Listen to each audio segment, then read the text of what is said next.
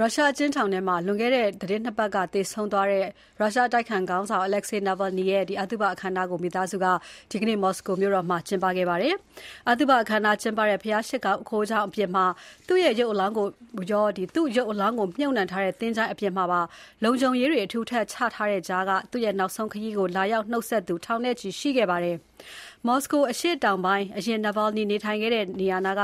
ဘုရားရှိခိုးကျောင်းမှာ ဝတ်ပြုပွဲအခမ်းအနားကို နိုင်ငံခြားသံတမန်တချို့ တက်ရောက်ခဲ့ကြတဲ့ထဲမှာ အမေရိကန်သံအမတ်ကြီးလည်းပါတယ်လို့ ဘုရားကျောင်းအပြင်မှာရှိနေတဲ့ နိုင်ငံခြားသတင်းထောက်တွေက ပြောပြပါတယ်။ဝတ်ပြုပွဲအခမ်းအနားအပြီး သူ့ရုပ်အလောင်းကို အနားကသချိုၤင်းကို သယ်ယူသွားပြီး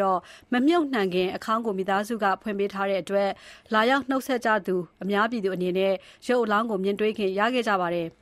အာတိတ်စက်ဝိုင်းမြောက်ပိုင်းမှာရှိတဲ့ ရုရှားအကျဉ်းစခန်းကြီးထဲမှာ Navalny သေဆုံးသွားခဲ့ပြီးနောက် သူ့ရုပ်အလောင်းကို သူ့အမေကို အာဏာပိုင်တွေက ချက်ချင်းကြည့်ရှုခွင့် မပေးခဲ့သလို အစပိုင်းမှာလည်း အကျဉ်းရုံး အသုဘချဖို့ မိခင်ဖြစ်သူကို အကြပ်ကိုင်ခဲ့တယ်လို့ မိသားစုက ပြောပါတယ်။သူဘာကြောင့် သေဆုံးခဲ့သလဲဆိုတာတော့ ခုထိ ရှင်းရှင်းလင်းလင်း မသိရသေးပါဘူး။